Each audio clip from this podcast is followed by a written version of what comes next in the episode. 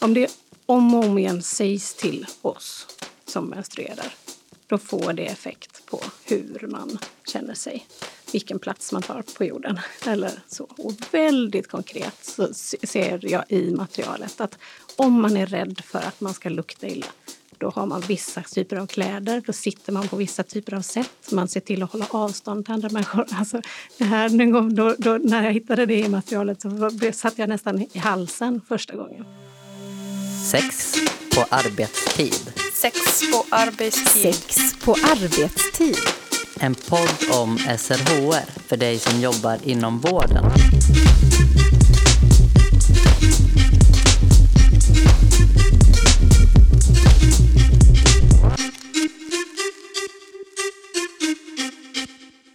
Hälften av jordens befolkning har, kommer få eller har haft mens.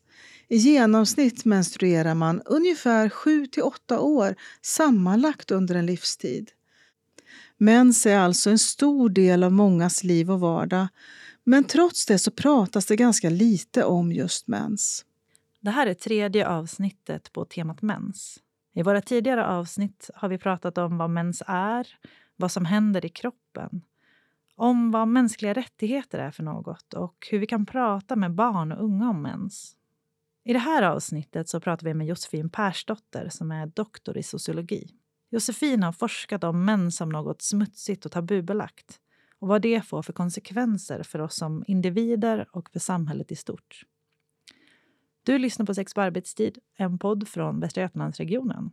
Och vi som gör den här podden det är jag, Elin Klingvall, och min kollega Anna Skoglund.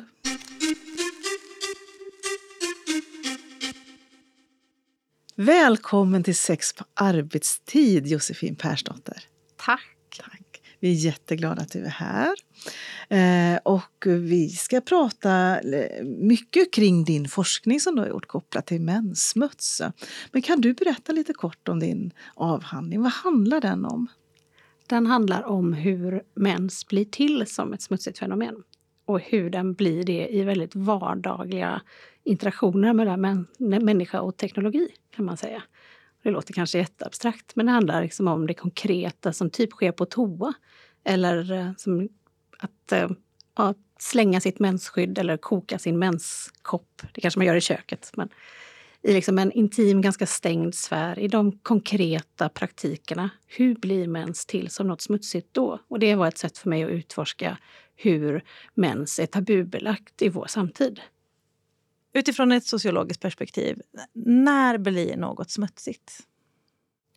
Ja, men som, som sociolog så kan man tänka, eller som smutssociolog så kan man tänka med hjälp av en som heter Mary Douglas som faktiskt var en antropolog. Och hon hon, hon, hon understryker att smuts är någonting relativt och att det inte är av sig själv smutsigt nödvändigtvis, utan vi gör det till smutsigt. Vi bestämmer det. Vi har en, en viss social ordning eller en, ett, en ordning eller ett system som bestämmer när något är smutsigt. Till exempel är ett hårstrå inte smutsigt när det är på huvudet, men i soppan är det mycket smutsigt. Då får vi jättestarka äckelkänslor. Eh, så det, det, det, ja, det, alltså, ja, så smuts är relativt och kontextuellt. Liksom. Sen är smuts, ja, ett par skor i hallen på hallgolvet inte smutsiga alls och på köksbordet jättesmutsiga och så vidare. Och vi kan tänka att en, en det är inte äckligt att dricka kaffe i, i fikarummet men om vi tar med den in på toa blir det plötsligt, alltså det är nästan att man inte kan göra det. Alltså, det handlar liksom om gränser som vi sätter eh, som sociala organisationer. Och när blir mens smutsigt, tänker du? Mens blir smutsigt i alla situationer där det görs till viktigt att det ska vara rent. Eh, så alla eh, bindreklam eller eh, bindpaket eller allmänna idéer om att det inte får lukta, inte får synas. Där, där, där blir mens till som smutsigt i de stunderna. Sen blir det till som smutsigt i, ja, när det faktiskt luktar eller när det blöder igenom. När någon eventuellt tycker att det är smutsigt. Mary Douglas återkommer till idén matter out of place. Alltså det är någonting som är på en plats där det inte ska vara enligt en idé om vart saker ska vara. Så ett mensskydd i ett badrumsskåp är lite mer okej än om det ligger eh, framme vid min kontorsplats? Ja. Och i min ficka, inte smutsigt alls, men i min hand så att andra ser det smutsigt. Och så, kanske. Och då är det liksom smutsigt som en förståelse av att det är negativt laddat. Det är matter out of place, något som inte får vara här. Eh, något som skapar känslor av, av en typ äckel och skam. Eh, och smutssociologer trycker på att det här är det här är, när, vi, när vi analyserar smuts så analyserar vi i princip tabun. Alltså vi har, med enkelhet så ser vi att i andra kulturer har man menstabun och i, och i våra kulturer har vi rationella hygieniska system. Så att säga. Men man trycker på inom smutssociologin på att det är samma sak som händer. Så hur ser vi på mens i vårt samhälle idag?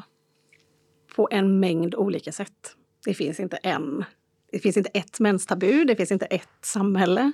Det är enormt beroende på familj och kultur och religion och landsbygd eller stad. Eller, eh, och det är ja, men skillnad från skolklass till skolklass och så vidare. Eh, så det finns en mängd olika i det.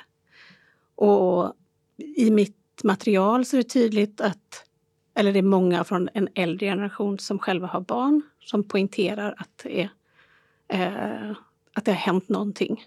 Att man verkar vara öppnare kring mens i allmänhet och kanske inte alla frågor men man verkar ha en större öppenhet kring det och att det liksom informationsintresset är explicit och, och att de pratar liksom om det i, i vänskapskretsar och sånt på ett annat sätt än de själva gjorde som barn.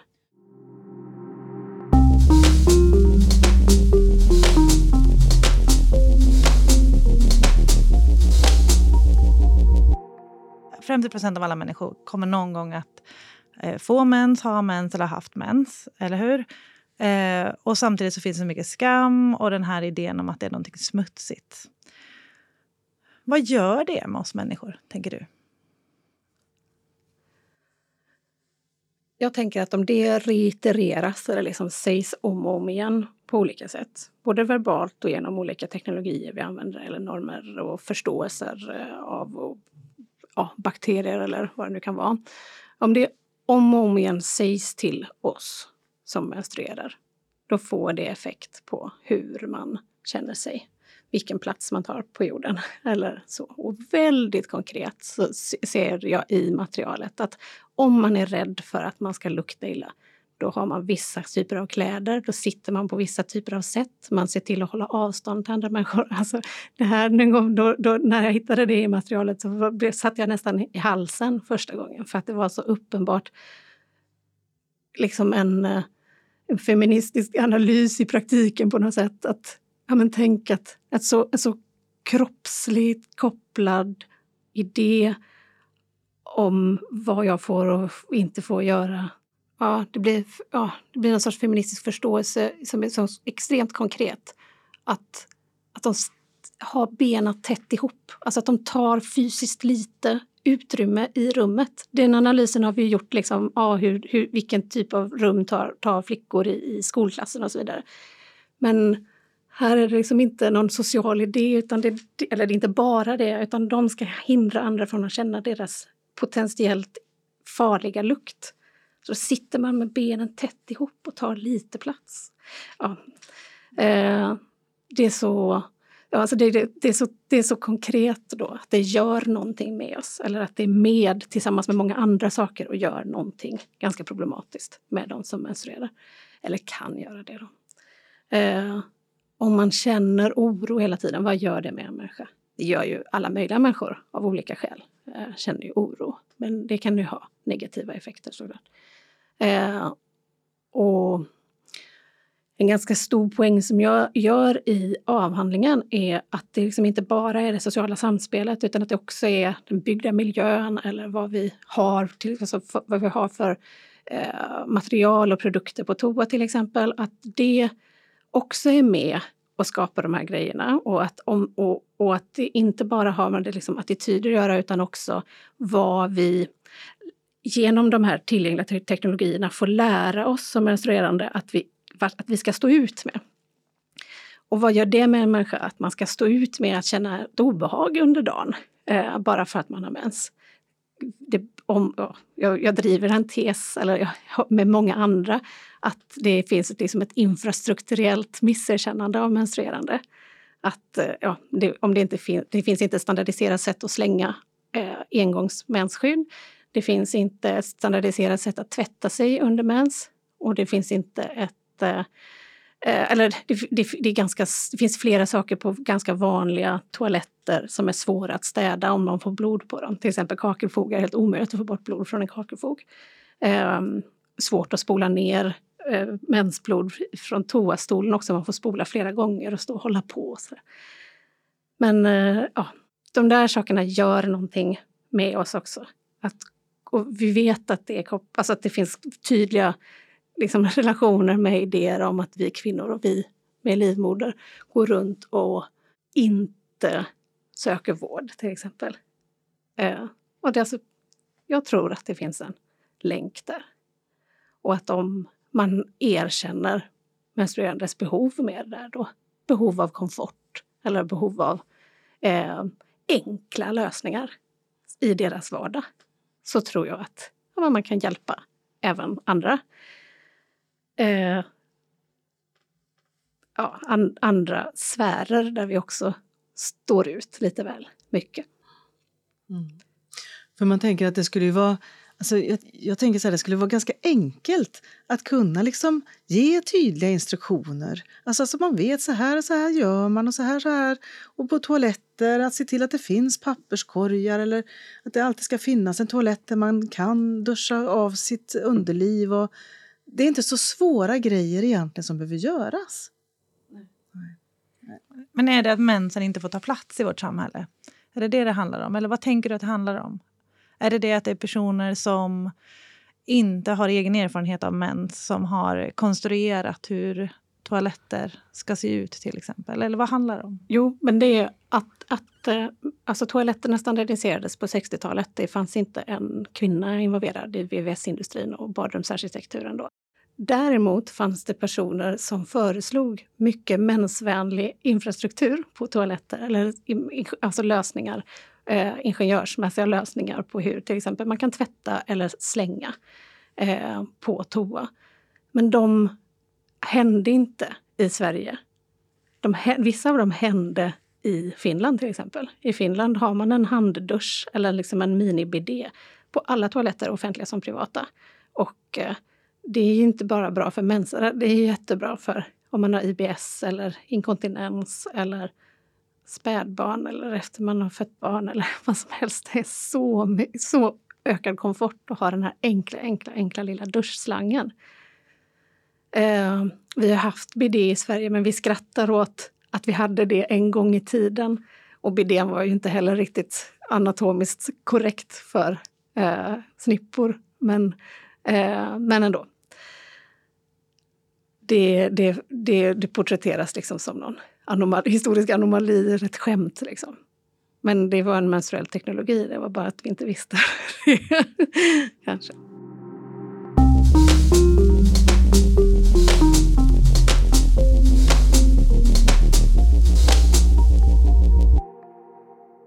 Det finns ju en, ändå en ganska stor marknad med både liksom olika mensskydd men också rengöringsprodukter eh, kring mensen. Eh, kan du berätta lite grann hur, hur vi påverkas av de här föreställningarna som den här marknaden skapar? Mm. Marknaden, eller de olika aktörerna som är involverade på marknaden är, är, är liksom en av väldigt många som är med och producerar idén om män som smutsigt. Och de här aktörerna har ett monetärt intresse av att det blir smutsigt, för då kan man ju göra då, då, då är ju deras produkt värdefull. Och det här gäller ju kanske mensskyddsindustrin också. Det är inte bara rengöringsindustrin. Och så dessutom överlappar de inte så sällan. Men eh, här har jag framförallt brytt mig om eller liksom analyserat menskoppstvätt. Då. Och eh, eh, där är det, är komplext att säga vad som är hönat och ägg, hönan och ägget. Men det finns så starka idéer om att menskoppen är problematiskt smutsig. Så att där har en industri liksom kommit till eller ökat i väldigt stor grad de senaste åren. Man kan ha så här, eh, antibakteriella gel och antibakteriella tabletter som man ska desinficera och sterilisera och ta bort alla bakterier. Och det är så olika steamers eh, eller koppar som man ska hälla vatten i eller eh, saker man ska stoppa i mikrovågsugnen, olika mikrovågsugnspåsar eller behållare av olika slag. Och de här kan kosta så mycket som 500-600 spänn. Eh, men sen är det ner till så wipes, antibakteriella wipes som man kan ha om man råkar befinna sig i en situation där man inte har tillgång till vatten till exempel, fast man vill använda menskopp. Eh, så... Ja, nu minns jag inte vad frågan var, vill du upprepa? Hur... Men jag tänker, vad, vad gör det mm. med en person som har mens? Alltså den här marknaden då som... Eh, där, där, där det säljs så mycket produkter kring mensen som handlar om att ta bort smuts eller att rengöra och lukta gott. Jo, men i varje sån marknadsföring eller varje sån produkt så sker ju en kommunikation om att du är smutsig. Och det är inte... Det, kan, alltså det är klart att man ska få känna sig fräsch under mens. Men man ska också vara vaksam på att vi då om man får en kanske överdriven förståelse av eh, till exempel menskoppen som, som smutsig eller äcklig eller riskabel på olika sätt. Den är, vad jag förstår, inte så himla viktig att desinficera. Det är snarare så att det finns problem med att tvätta den så noggrant med så mycket produkter. Vissa skrubbar den jättemycket för att den ska bli eh, lika fin som den var från början. Och ja, både de här antibakteriella eh, produkterna och det här skrubbandet kan, kan påverka ytan på den här produkten. Så faktum är att den kanske blir mer riskabel efter tvätten än den var tidigare. Då. Och jag driver liksom en tes om att den är, både industrin och alla människors känslor kring eh, mänskapens eventuella äcklighet är mycket mer kulturell än den är liksom på riktigt eller rationell. Vi skriver ju också i den avhandling om att, eh, att ha mens, eh, hålla på med mens kan vara väldigt resurskrävande. Eh, är det det som du menar med just de här olika tvättarna och skrubbandet? Eller vad, vad, menar du med att mens är resurskrävande? Men dels så kostar det ju pengar att köpa de här produkterna som då sannolikt är rätt onödiga. Och de kan kosta ganska mycket pengar. Och även om de kostar lite pengar så kostar de ofta pengar. Eller många gånger under livet. Ehm, och eh, sen tar det tid och, och, och jag vill mena att det tar mer tid än vi tror. Om man börjar tänka på det här och om man kan föreställa sig att det skulle kunna ta mindre tid. Då, då kan man få fatt eller då ser man att det tar rätt mycket tid från var och en av oss. Och på aggregat tar det ju enormt mycket tid. Liksom. Eh, förut kanske man sa förspilld kvinnokraft. Det kanske man kan reiterera. Eh, och sen tär det på miljön. Det är inte bra att hålla på med antibakteriella produkter och hälla ner dem i avloppen. Eh, och det är eventuellt också problematiskt att, att spola ner mensskydd i toaletten som det är nu. Det, då belastas reningsverken på ett sätt som är onödigt så de kan fokusera på annat. Eh, ja, så att, ja, vi har miljön, vi har tid och vi har pengar och sen har vi liksom en emotionell del som jag tycker är en enormt viktig resurs. Att, att, att oroa sig eller att skämmas eller vara rädd för att, vara, att känna panik inför någonting och att överhuvudtaget ha en starkt negativt laddad relation till sin egen kropp. Eh, månatligen eller, eller hela tiden eventuellt. Eller till ting som är kopplade till ens egna kropp. Det är resursslöseri också. Men jag vill, jag vill också trycka på att vi ska inte komma till en, en position där vi eller jag tycker inte att utopin är att vi ska bara känna att mens inte är smutsigt överhuvudtaget. Det är viktigt att erkänna att det är superkladdigt. Det är därför vi ska ha en dusch. Eller det är liksom det, och det här kladdet kan fastna i, i, i eh, könshåret och liksom bli smärtsamt när man ska reda ut det eller när man rör sig på ett speciellt sätt. Eller den här lukten, den är obehaglig. Den kan vara obehaglig. Det ska man bara låta den vara. Där tänker jag att man ofta får höra, eller jag ser i mitt material att man ofta får höra att nej, det luktar inte. Det, luk det luktar inte, det är ingen fara, det är bara du som känner lukten. Och det undrar också, vad händer med en människa när man, inte får, när man får höra att man inte kan lita på sina egna sinnen? Det är inte heller så bra. Så att det, ja, målet är inte att man ska känna liksom en helt ren relation till mens. Eller vad man ska säga, eller en osmutsifierande relation till mens. Utan låt det vara. Det är absolut, finns absolut smutsigheter med detta. Men att man försöker reda ut vad som är onödigt och inte, kanske. Men vad behövs göras på en samhällsnivå för att, för att eh, ändra bilden om män som någonting smutsigt? Vad, kan, vad, vad tänker du kring det? Attitydförändringar och opinionsbildning och så vidare är jätteviktigt. Men jag vill lägga till det här med infrastruktur. Och det här kommer mer och mer i forskningen, ett fokus på det. Fixa det här med, med, att, med att det finns standardiserat sätt att slänga, att det finns standardiserat sätt att tvätta sig. Och eventuellt gör toaletterna mer enkla att städa. Så det, det är kanske på en samhällsnivå.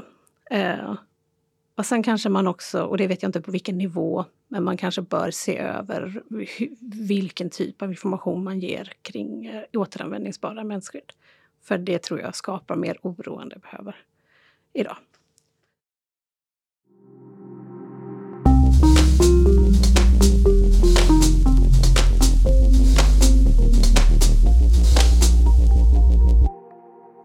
Tusen tack Josefin Persdotter att du har varit med i Sex på arbetstid och pratat om menssmuts. Så kul. Innan vi avslutar så skulle vi gärna vilja veta vilka tips som du har med till vårdpersonal. Mm. Det tyckte jag var en jättesvår fråga, för så, det har inte jag tänkt på så mycket. Eh, jag har eh, formulerat tips till andra, men aldrig till vårdpersonal. Men en viktig sak är ju liksom att tänka på hur man kommunicerar. Och hur man kommunicerar kanske framförallt med individer som inte har fått mens än, eller som precis har fått mens, eller som är ja, men ganska unga. För de är ganska utsatta, det är tydligt i mitt material. De känner stark grad av oro och skam och äckel. Eh, kan man hitta sätt att porträttera mens på ett annat sätt. Och det tänker jag att man både kan göra verbalt och i vad det finns på väggarna eller vad man har för marknadsföringsmaterial, på att säga, men informationsbroschyrer och så vidare. Eh, där kanske man kan tänka kontrasterande. Kan mens porträtteras vackert? Eller kan man hitta liksom andra, andra bilder? Eh, sen tänker jag på att man i möten med dem kan stötta dem att hitta sätt att identifiera konkreta bökigheter i deras vardag. För de kommer inte hitta dem själva. De kommer tro att det är så det ska vara. Eh, och att hjälpa dem att hitta lösningar till det. Det tänker jag skulle kunna vara eh, liksom en gynnsam grej att, att tänka på och fokusera på. Och sen det, mitt tredje tips är att tänka på hur era toaletter ser ut, såklart. Eh, kanske både personaltoaletter och eh, eh, toaletter för besökare eller vårdsökare. Mm. Tack så hemskt mycket Josefin att du var med. Det var så roligt. Tack ska ni ha.